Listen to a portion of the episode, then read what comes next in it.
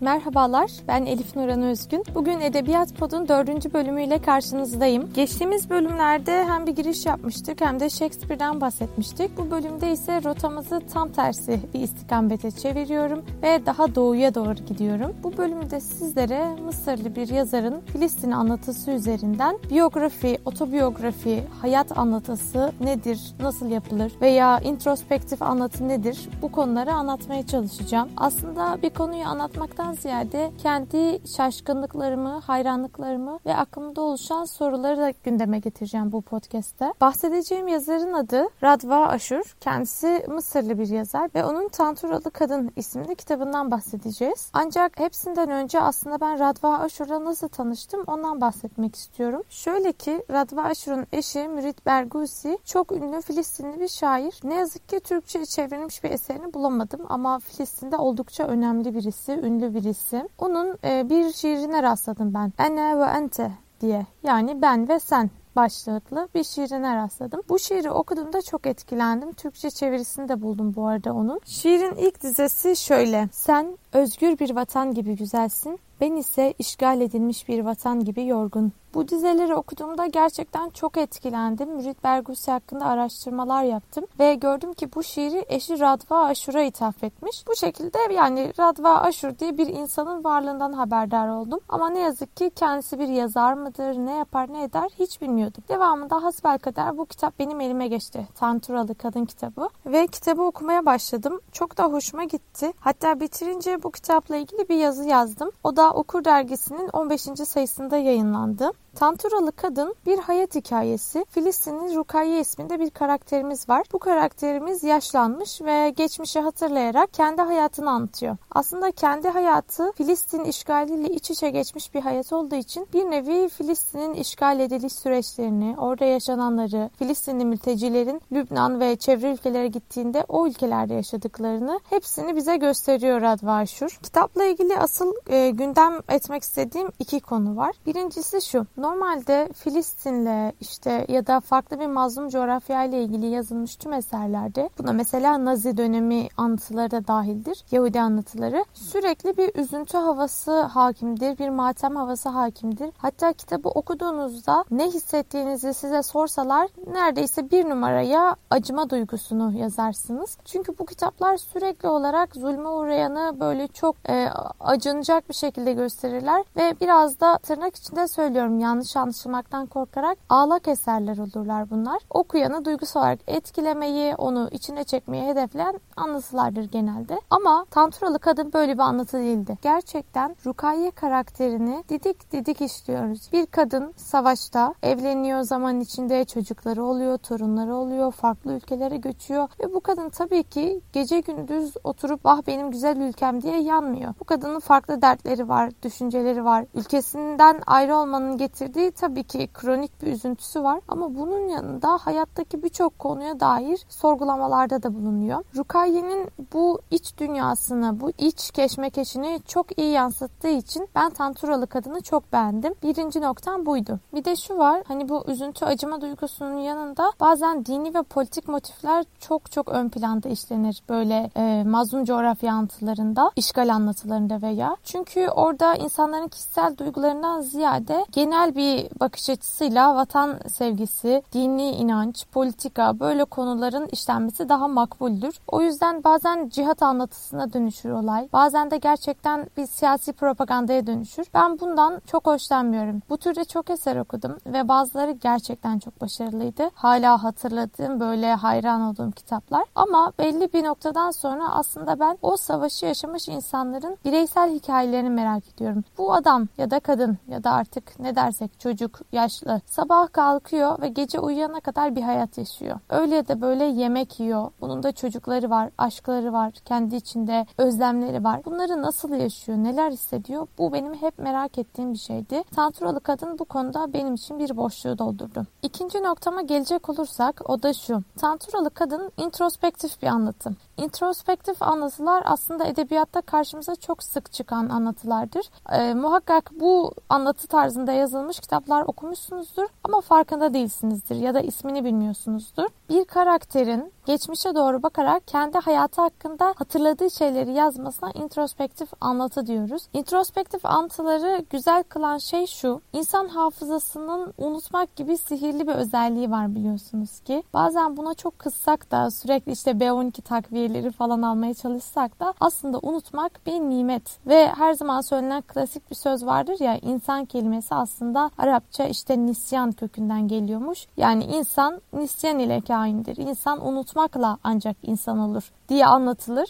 İşte aynı bu anlatılan örnek gibi insanın unutmak diye güzel bir özelliği var. E, ve introspektif antılarda bu çok kritik bir noktayı kaplıyor. Yani hafıza problemi. Çünkü bir olay yaşadığımız zaman aradan yıllar geçtiğinde o olayın sadece bizi en çok etkileyen ve en önemli kısımlarını hatırlıyoruz. Veya bazen tarihleri karıştırıyoruz ya da iki olay arasında yanlış bağlantılar kuruyoruz. Bu tabii ki tarih bilim açısından çok iyi değil. Yani bize her zaman doğruları anlatmıyor hafızamız. Ama edebiyat için bulunmaz bir cevher. Çünkü aslında hatırladığımız kadarıyla yaşamak, hatırladığımız kadarını sevmek veya ona razı olmak bir noktada insanı rahatlatan bir şey ve bu edebiyatın daha da kreatif olmasını sağlıyor. Çünkü yaşananları sıra sıra bu tarihte şu oldu, ertesi gün bu oldu, ertesi yıl bu oldu diye yazsak belki bu olay kronoloji gibi bir noktaya gidecek, bir tarih kitabına benzeyecek. Bunun yerine mesela belli bir tarihteki olayı anlatırken birden aklımızın kayıp oradan eski anılara dalması anlatması, çok farklı tarihteki, çok farklı bağlamdaki başka bir hatırayı anlatması edebiyatı çok zenginleştiriyor. İşte Rukiye aynı bu şekilde anlatıyor. Bir de bunun yanında aslında Tanturalı Kadın kendini ve anlatıyı sorgulayan bir metin. Bu kitap aslında bir hikaye, bir insan hikayesi, bir hayat hikayesi. Fakat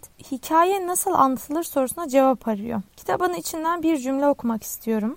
Tabiatı gereği başkalarının hayatlarıyla iç içe geçmiş olan bir ömrün hikayesi bütünüyle nasıl anlatılır? Bu soru en başta hepimize çok basit gelse de aslında sorgulamamız gereken bir nokta. Hakikaten düşünmek lazım. Bir ömür nedir? Bir ömür nasıl anlatılır? İlber Ortaylı'nın bir kitabı vardı ya hani bir ömür nasıl yaşanır diye. Bir ömrün nasıl yaşanacağı çok önemli bir konu. Ama bunun yanında gerçekten o ömrü nasıl anlatacağımızı da düşünmemiz gerekiyor. İnsanın ömrünü bir daire olarak düşünürsek böyle boş bir düzlemde bunu asla tek başına düşünemeyiz. İçinde dışında kesiştiği, iç içe geçtiği ya da bir noktada birbirine deyip hemen uzaklaştığı milyonlarca hatta milyarlarca farklı daireler var. Çünkü hayatımızı asla tek başına yaşamıyoruz. Asla yalnız kalamıyoruz. Muhakkak bir anne ve bir babadan doğuyoruz. Doğduğumuzda anne babamız yanımızda olması dahi yanımızda birileri oluyor ve onların himayesi sayesinde büyümeye başlıyoruz. Büyüdükçe sosyalleşerek, farklı ortamlara girerek, eğitim alarak ya da hiçbirini yapmadan evde oturarak bile muhakkak başkalarının hayatıyla kesişen bir hayat yaşıyoruz.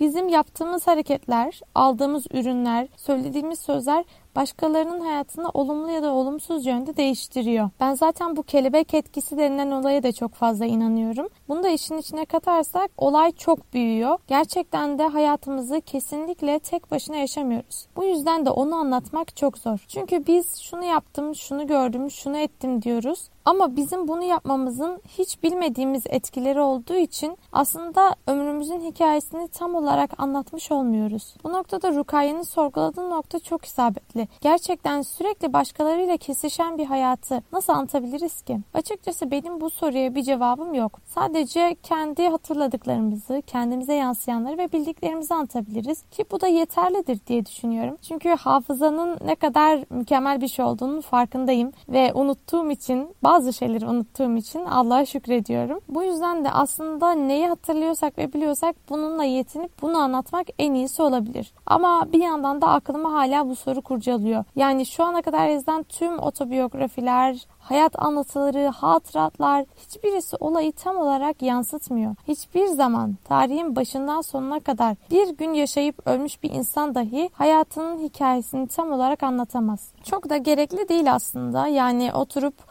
böyle e, her şeyi yazabilsek ne kadar zevkli bir metin ortaya çıkardı bunu da bilmiyorum. Ama açıkçası bu hayat hikayesinin anlatılamaması durumu bana çok hoş geliyor. Böyle küçük bir detay olarak aklımı sürekli kurcalıyor. Günlük hayatımda bir olay yaşadığım zaman bazen bunu nasıl anlatırım diye düşünüyorum. Ve devamında şunu görüyorum gerçekten anlatamam. Yani o an onu yaşadım Yaşadığım an kıymetliydi ve yaşadığım an bu olay eşsizdi. Devamında anlatacağım her şey benim perdeme yansıyan kusurlu, eksik ve taraflı bilgilerden oluşacak. Konunun çok da dışına çıkmadan aslında bu introspektif anlatılara bir tane daha örnek vermek istiyorum. Okuyucu isminde bir kitap var. Yazarı Bernhard Schilling. Adını yanlış telaffuz ediyor olabilirim. Alman bir yazar. Bu kitabı okuduğumda da çok etkilenmiştim. Çünkü bu kitap Nazi dönemiyle ilgili. Nazi döneminde kendisinden yaşça çok büyük birine aşık olan bir çocuğu anlatıyor.